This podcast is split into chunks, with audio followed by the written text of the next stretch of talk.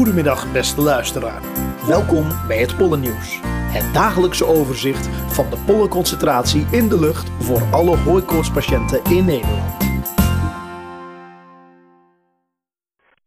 Hey Maurice, hele goede dag. Ehm, het is vandaag zaterdag 23 maart 2019. We hoog tijd voor een nieuw, uh, nieuw Pollenjournaal, podcast. Ehm, even een kleine terugblik. Half februari was er een enorme piek aan uh, voornamelijk elzenpollen als je de, de, de pollentellingen van het elkelief van, eh, uit Helmond van de afgelopen drie weken bekijkt, er was eigenlijk nauwelijks niks pollen. Het is super rustig. Uh, hoe kijk jij er tegenaan? Ja, dat uh, ben ik uh, helemaal met je eens.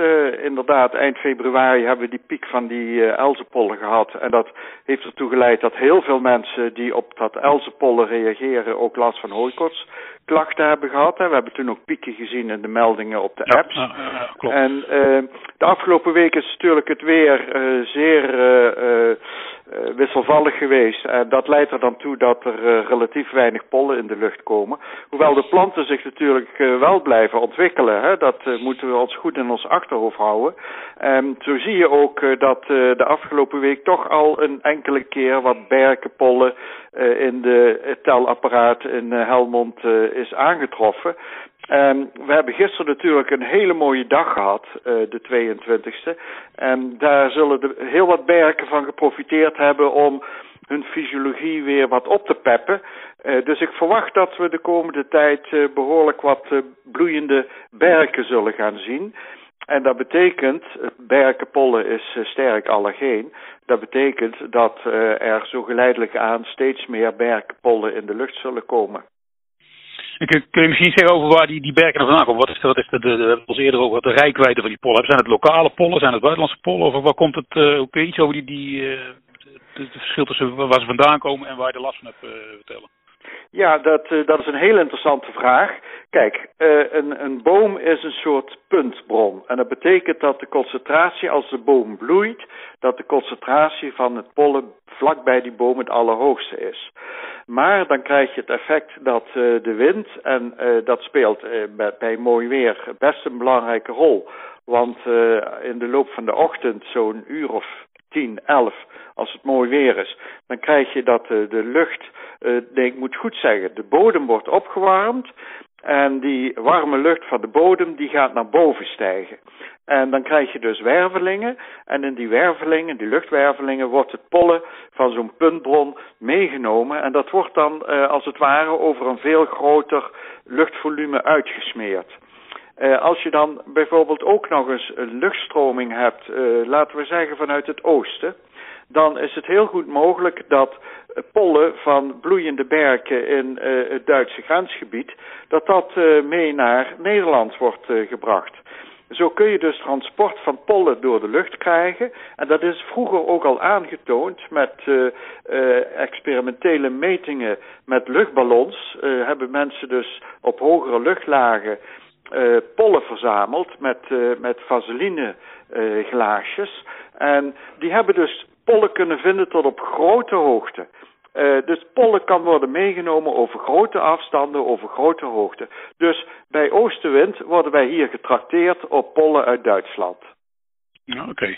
Dus dat kan, maar die, en, dan die concentratie, hoe ver mensen last van hebben, dat wisselt natuurlijk per persoon. Dus dat maakt het best wel ja, het is een heel ingewikkeld verhaal, want ieder mens is uniek en ieder mens reageert uh, op zijn eigen manier. Uh, ons, uh, jouw immuunsysteem is niet hetzelfde als mijn immuunsysteem. Uh, daar moet nog heel wat onderzoek aan gedaan worden. Maar je krijgt dus ook dat al die verschillende allergenen van, de, van, de, van dat pollen, dat je dat dus op diverse plekken in de lucht kunt aantreffen. En nu is het zo dat de pollenmeters, de invang, die staan meestal op wat hogere gebouwen, ziekenhuizen en dergelijke.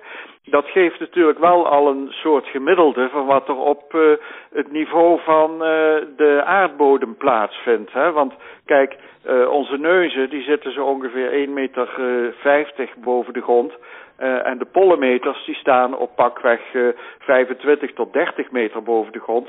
Daar zit best verschil in. Je kunt dus op de, als jij wandelt, kun jij heel goed heel veel pollen in je neus krijgen. Terwijl op een wat hoger niveau, dus op een meter of 25, dat aardig is uitgemiddeld. Onder andere door die wervelingen die ontstaan door het opwarmen van het aardoppervlak. Ja, dus in ieder geval superbelangrijk om die lokale verschillen in je, in je achterhoofd te houden. Wat, wat is voor de komende week eh, de, de verwachting? Wordt dat weer wat gunstiger, begreep ik?